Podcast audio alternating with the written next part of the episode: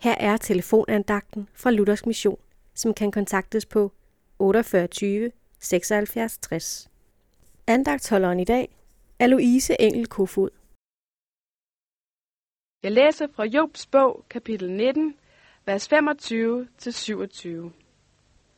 Der står, Dog ved jeg, at min løser lever. Til sidst skal han stå frem på jorden. Når min hud er skrællet af, når mit kød er tæret bort, så skal jeg skue Gud.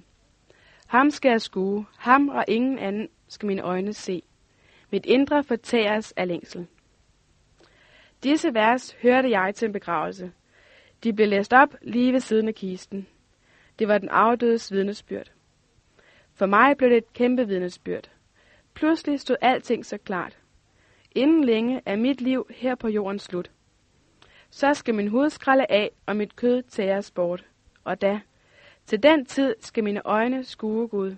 Ham og ingen anden skal jeg se. Hvor bliver alt andet dog ligegyldigt set i det rette perspektiv?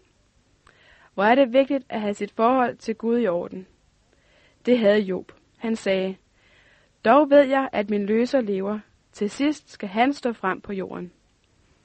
Job længtes efter at skue Gud. For han skulle ikke skue Gud alene, fordi hans løser ville stå frem sammen med ham.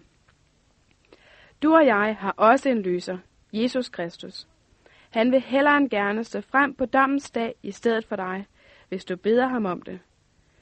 Så er der ingen grund til at frygte, og du kan sammen med Job sige, at mit indre fortæres af længsel efter at skue Gud.